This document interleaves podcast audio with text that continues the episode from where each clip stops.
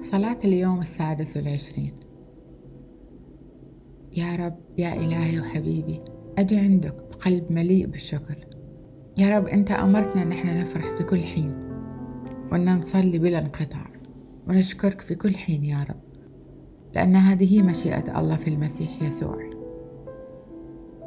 يا رب كل ما أشكرك على شيء يا رب تغبرني ببركات جديدة في حياتي.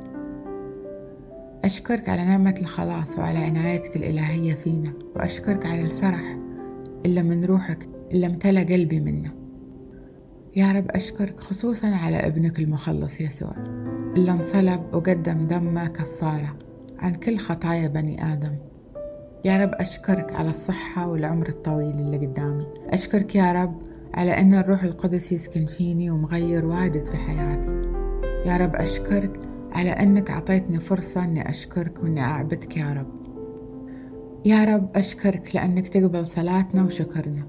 أصلي باسم الرب يسوع. آمين.